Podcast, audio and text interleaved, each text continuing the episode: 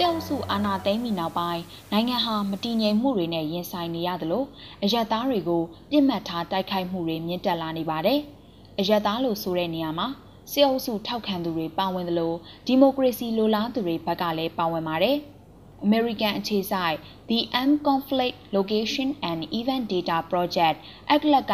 အာဏာသိမ်းမှုစဖြစ်တဲ့ဖေဖော်ဝါရီလ၁ရက်ကနေ ဇူလိုင်လ30ရက်အထိအရက်သားတိုက်ခိုက်ခံရမှုပေါင်း300ကို အချက်အလက်စုဆောင်းပြီးမှတ်တမ်းတင်ထားခဲ့ပါတယ်။ဒီအချက်အလက်တွေဟာမြမအရေးအထူးပြုဖော်ပြနေတဲ့သတင်းမီဒီယာမှာဖော်ပြထားတဲ့အချက်အလက်တွေကိုကိုးကားထားတာလည်းဖြစ်ပါတယ်။အကလဟာတီးခြားလွတ်လပ်တဲ့အရက်ဖက်အဖွဲ့အစည်းတစ်ခုဖြစ်ပြီးအာဖရိကအရှေ့အလယ်ပိုင်းဒေသ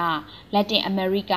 ကာရစ်ဘီယန် အရှေ့အာရှအရှေ့တောင်အာရှဗဟိုအာရှနဲ့ဥရောပတလွှာဖြစ်ပျက်နေတဲ့နိုင်ငံရေးအကြမ်းဖက်မှုတွေဆန္ဒပြမှုတွေနဲ့ပတ်သက်တဲ့ပဋိပက္ခအခြေအနေတွေကိုဖော်ထုတ်နိုင်မှု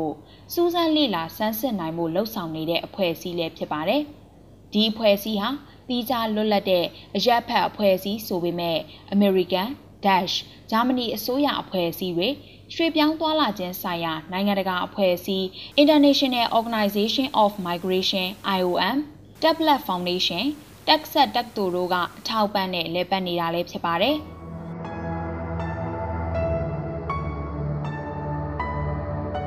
အကလဟာမြန်မာပြည်မှာအာဏာသိမ်းမှုစဖြစ်တဲ့ဖေဖော်ဝါရီ၁ရက်ကနေ ဇူလိုင်လ30ရက်အထိအရက်သားတွေပြစ်မှတ်ထားတိုက်ခိုက်ခံရမှုပေါင်း300ကိုမှတ်တမ်းတင်ထားခဲ့ပါတယ်။ဒီအရက်သားတိုက်ခိုက်ခံရမှုပေါင်း300မှာတအူးကနေတအူးအထက်ထိရှိပြီးတေဆုံးသူ988ဦးအထိရှိခဲ့ပါတယ်။တစ်ချိန်တည်းနဲ့အများဆုံးဖြစ်ခဲ့တဲ့နေရာကတော့ကရင်ပြည်နယ်ဝေါ်လီဒေသမှာဖြစ်ပါတယ်။အဲ့ဒီဖြစ်စဉ်မှာအရသာ25ဦးသေဆုံးခဲ့တာဖြစ်ပြီးတိုင်းသားလက်နက်ကိုင်တပ်ဖွဲ့တွေဘက်ကပြစ်ခတ်ခဲ့မှုဖြစ်ပါတယ်။တကြိမ်နဲ့10ဦးနဲ့အထက်အရက်သားတွေပြစ်မှတ်ထားတပ်ဖြတ်ခံရမှုတွေဟာသကိုင်း၊ကယားနဲ့မန္တလေးတို့မှာဖြစ်ခဲ့ပါတယ်။စကိုင်းနဲ့မန္တလေးနှစ်ကြိမ်စီနဲ့ကယားမှာတစ်ကြိမ်ဖြစ်ခဲ့တာဖြစ်ပြီးကျူးလွန်သူတွေကတော့အာနာသိန်းစစ်အုပ်စုလက်အောက်ခံစစ်တပ်ကဖြစ်ပါတယ်။ 9ဦးကနေ10ဦးအောက်အထိအရက်သားတွေတိုက်ခိုက်ခံရမှုပေါင်း73ကြိမ်ရှိပြီး9ကြိမ်ကစစ်တပ်ကကျူးလွန်ခဲ့တာဖြစ်ပါတယ်။တပြိုင်နက်တည်း4ဦးသေဆုံးတဲ့အထိတိုက်ခိုက်ခံရမှုပေါင်း10ကြိမ်3ဦးအထိ18ကြိမ်2ဦး52ကြိမ်နဲ့ကျန်နာတွေကတော့တဦးချင်းစီတိုက်ခိုက်တပ်ဖြတ်ခံရမှုဖြစ်ပါတယ်။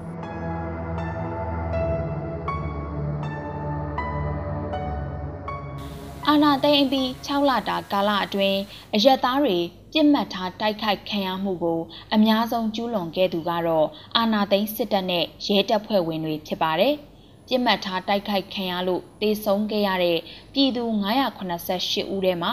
စစ်တပ်ကတပ်ဖြတ်ခဲ့တာက329ဦးနဲ့ရဲတပ်ဖွဲ့ကတပ်ဖြတ်တာက15ဦးအထိရှိပြီးစုစုပေါင်း344ဦးအထိရှိပါတယ်။ အကလက်ကစူးစီးထားတဲ့မှတ်တမ်းတွေအရစစ်တပ်နဲ့ရဲတပ်ဖွဲ့ကအရက်သားတွေကိုပြစ်မှတ်ထားတပ်ဖြတ်တာဟာတိုင်းဒေသကြီးပြည်내အားလုံးမှာလှုပ်ဆောင်ခဲ့တာဖြစ်ပြီးစကိုင်းမန္တလေးနဲ့ရန်ကုန်တို့မှာအများဆုံးဖြစ်ပါတယ်။စကိုင်းတိုင်းမှာဆိုရင်စစ်တပ်နဲ့ရဲတပ်ဖွဲ့ကတပ်ဖြတ်မှုဟာပြည်သူ100အထက်ရှိပါတယ်။ ထူးခြားချက်ကတော့အာဏာသိမ်းပြီးဆန္ဒပြမှုတွေလက်နက်ကင်တော်လှန်မှုတွေမရှိတဲ့ရခိုင်ပြည်နယ်မှာတော့စစ်တပ်နဲ့ရဲတပ်ဖွဲ့ကကျူးလွန်တဲ့အရက်သားပြစ်မှတ်ထားတပ်ဖြတ်မှုတွေလုံးလုံးမရှိခဲ့တာဖြစ်ပါတယ်။ဒါပေမဲ့ဘယ်သူဘယ်ဝါရဲ့လက်ချက်ဆိုတာအတိမပြုတ်နိုင်တဲ့လက်တယ်မပေါ်ပဲတက်ဖြတ်ခံရသူနှစ်ဦးတော့ရခိုင်ပြည်နယ်မှာရှိခဲ့ပါတယ်။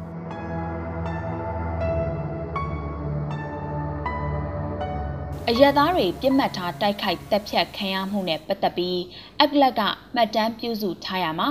အာနာသိန်းစစ်အုပ်စုစစ်တပ်အာနာသိန်းစစ်အုပ်စုလက်အောက်ကရဲတပ်ဖွဲ့တိုင်းရင်းသားလက်နက်ကိုင်အဖွဲ့ EAO ပြည်သူ့ကာကွယ်ရေးတပ်ဖွဲ့ PDF စစ်အုပ်စုကလက်နက်တပ်ဆင်ပေးထားတဲ့ပြူစောတိအဖွဲ့နဲ့လက်တယ်မပေါ်ပဲဖြစ်ခဲ့တဲ့လောက်ကျန်တိုက်ခိုက်မှုဆိုပြီးခွဲခြားစူးစီးခဲ့ပါတယ်ဒီလိုစူးစီးထားတဲ့နေရာမှာ ထိတ်လန့်ပွဲရာကောင်းတဲ့တွေးရှိမှုကတော့လက်တယ်မဲ့လောက်ကျန်မှုကြောင့်အယက်သားထိခိုက်မှုအရေးအတွက်တော်တော်များများဖြစ်နေတာကိုတွေ့ရပါတယ်။လောက်ကျန်တိုက်ခိုက်မှုပေါင်း300ကြောင့်တေဆုံးရသူ988ဦးရှိတဲ့အနက်188ဦးဟာဘယ်သူဘယ်ဝါလက်ချက်မှန်မသိပဲတေဆုံးခဲ့ရတာဖြစ်ပါတယ်။လက်တယ်မပေါ်ဘဲတည်ဆုံရသူတွေဟာစစ်အုပ်စုထောက်ခံတဲ့ပြည်သူတွေပါဝင်သလိုဒီမိုကရေစီရေးထောက်ခံသူတွေဘက်ကလည်းပါပါတယ်။ ဒီကိန်းဂဏန်းအချက်လက်တွေမှာသူ့ဘက်ကိုဘက်ဆိုတာထက်အယက်သားဆိုတဲ့ဖြစ်တည်မှုအပေါ်မှာပဲတွက်ချက်ထားတာဖြစ်ပါတယ်။အက်ကလက်ရဲ့ကိန်းဂဏန်းအချက်လက်ရလက်တယ်မဲ့လောက်ကျန်တက်ဖြတ်ခံရမှုတွေဟာစကိုင်းမန္တလေးနဲ့ရန်ကုန်တို့မှာအဖြစ်အများဆုံးတွေ့ရပြီးချင်းပြည်နယ်နဲ့နေပြည်တော်ကလွဲရင်ကြံတိုင်းဒေသကြီးပြည်နယ်တိုင်းလိုလိုမှာဖြစ်ပွားခဲ့ပါတယ်။ဆယ်ဦးနဲ့အထက်လက်တယ်မဲ့ လောက်ကျန်တက်ဖြတ်မှုတွေရှိတဲ့ဒေသတွေကမကွေး၊မွန်၊ရှမ်းမြောက်၊ကချင်၊ရန်ကုန်၊မန္တလေးနဲ့စကိုင်းတိုင်းတို့ဖြစ်ပြီးစကိုင်းမှာဆိုရင်58ဦးအထိလက်တယ်မဲ့လောက်ကျန်ခံခဲ့ရပါတယ်။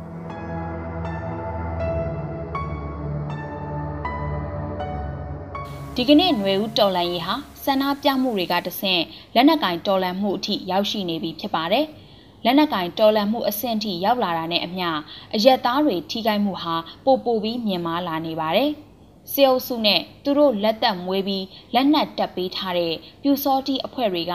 ဒီမိုကရေစီအရေးထောက်ခံသူအရက်သားတွေကိုပြစ်မှတ်ထားတိုက်ခိုက်မှုတွေရှိလာနေပါပြီ။အဲ့ဒီနီတူတော်လန်ရေးသမားတွေဘက်ကလည်းစစ်အုပ်စုထောက်ခံသူအရက်သားတွေကိုဒလန်သတင်းပေးနာမည်တက်ပြီးတိုက်ခိုက်မှုတွေကရှိလာနေတာပါ။ လက်နက်ကင်တော်လန်ရေးအဆင့်မှာတစ်ဖက်နဲ့တစ်ဖက်တိုက်ခိုက်မှုအကြားထိခိုက်သေးချေမှုတွေရှိတတ်တာဖြစ်ရိုးဖြစ်စဉ်တစ်ခုသာဖြစ်ပါတယ်။ဒါပေမဲ့ဒီဖြစ်ရိုးဖြစ်စဉ်ဆိုတဲ့သဘောပေါက်နားလည်မှုကြားမှာအရက်သားတွေထိခိုက်သေးချေရမှုနဲ့ပတ်သက်လို့လက်နက်ကင်ထားသူတွေအားလုံးမှာတာဝန်ယူမှုတာဝန်ခံမှုရှိကြဖို့လိုအပ်နေပြီဖြစ်ပါတယ်။လက်နက်ကင်ထားတဲ့တပ်ဖွဲ့တိုင်းမှာလိုက်နာရမယ့်စစ်ဘက်ဆိုင်ရာကျင့်ဝတ်တွေရှိပြီးသားဖြစ်ပါတယ်။ တိုက်ပွဲနဲ့စစ်စင်ရေးကာလတွေမှာအရက်သားတွေအပေါ်မပြုတ်လောက်ရမယ့်တားမြစ်ချက်တွေရှိပါတယ်။ဒီတားမြစ်ချက်တွေကျင့်ဝတ်တွေကိုချိုးဖောက်ခဲ့ရင်စစ်ရာဇဝဲမြောက်တဲ့ဆိုတာကိုလည်းသိထားကြပြီးဖြစ်မယ်ထင်ပါတယ်။ဘိုးမင်းအောင်လှိုင်ခေါင်းဆောင်တဲ့စစ်အုပ်စုနဲ့ရဲတပ်ဖွဲ့ဝင်တွေကတော့စစ်ဘက်ဆိုင်ရာကျင့်ဝတ်တွေကိုတပြားသားမှနားမလဲတဲ့လူသက်လက်နက်ကိုင်အုပ်စုဆိုတာကအချက်အလက်တွေကတက်သေးခံနေပြီးဖြစ်ပါတယ်။ အရက်သားတွေကိုပြစ်မှတ်ထားတိုက်ခိုက်မှုတွေကိုစစ်ဘက်ဆိုင်ရာကျင့်ဝတ်မလိုက်နာပဲပြောင်းလှုပ်ဆောင်နေတာဖြစ်ပြီးတက်ဖြတ်နေတာဖြစ်ပါတယ်။သူတို့ကြောင့်တေဆုံးရသူတွေဟာအကြမ်းဖက်သမားတွေလို့နာမည်တက်ပြီးစစ်ရာဇဝတ်မှုကျူးလွန်တာကိုဖုံးကွယ်ထားပါသေးတယ်။တိုင်းရင်းသားလက်နက်ကိုင်တပ်ဖွဲ့ EAO တွေနဲ့ပြည်သူ့ကာကွယ်ရေးတပ်ဖွဲ့ PDF ဘတ်တွေမှာလည်းတော်လန်ရေးလိုအပ်ချက်ကြောင့်အကြောင်းပြပြီးအရက်သားတွေအပေါ်ထိခိုက်စေမှုတွေရှိလာနိုင်ပါတယ်။ ဒါဟာလက်နက်ကင်တိုက်ပွဲတွေရှိလာရင်မလွဲမသွေကြုံတွေ့လာရတဲ့အဖြစ်အပျက်တွေဆိုပေမဲ့ထိခိုက်နစ်နာသေဆုံးသူတွေဟာအရက်သားတွေဖြစ်တယ်ဆိုတာကိုသတိချက်ကြဖို့လိုပါတယ်။ဒါဟာစစ်ရာဇဝဲမှုမြောက်တယ်ဆိုတာကိုသတိမိထားလို့မရပါဘူး။စစ်ရာဇဝဲမှုမှာသူ့ဘက်ကိုယ့်ဘက်ကြောင့်ဆိုတဲ့အကြောင်းပြချက်တွေထက်အရက်သားနဲ့ပြုကျင့်သူဆိုတဲ့အပေါ်မှာပဲဆုံးဖြတ်ကြမှာဖြစ်ပါတယ်။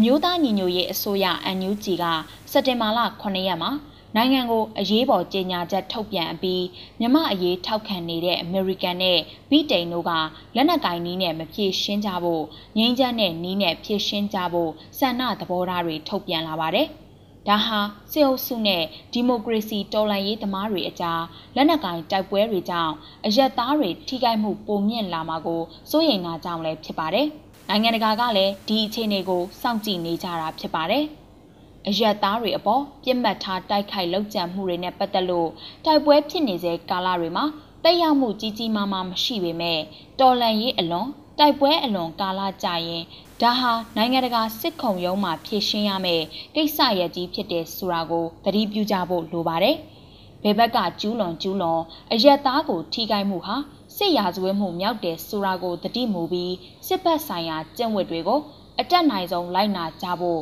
ဒီမိုကရေစီဘက်တော်သားတော်လှန်ရေးသမားတွေကိုမြစ်တာရက်ခံလိုပါတယ်။ NUG အစိုးရဘက်ကလည်းစစ်ဘက်ဆိုင်ရာကျင့်ဝတ်တွေကိုလိုက်နာကြဖို့တိုက်တွန်းမှုတွေလုပ်နေပြီဖြစ်ပါတယ်။ လက်တယ်မဲ့အယက်သားတပ်ဖြတ်လောက်ကျန်ခံရမှုတွေကိုဒီမိုကရေစီဘက်တော်သားတွေကပြုလုပ်ပါတယ်ဆိုပြီးစစ်အုပ်စုဘက်ကဝါဒဖြန့်တိုက်ခိုက်ပြီးနိုင်ငံတကာမှာຫນွေဦးတော်လန်ရေးအသေးရပြက်အောင်ဖျက်ဆီးလာနိုင်ပါတယ်။ဒါကြောင့်တော်လန်ရေးအင်အားစုတွေဘက်မှ လက်နက်ကင်တော်လန်ရေးအတွင်မလွဲမသွေရှိနေမဲ့တိုက်ခိုက်မှုတေဆုံးမှုတွေနဲ့ပတ်သက်ပြီးတာဝန်ယူမှုတာဝန်ခံမှုရန်နေရာတွေကိုခိုင်ခိုင်မာမာတိစောက်ထားကြဖို့တိုက်တွန်းလိုက်ရပါတယ်။ဒီမှာတော့မဟုတ်တော့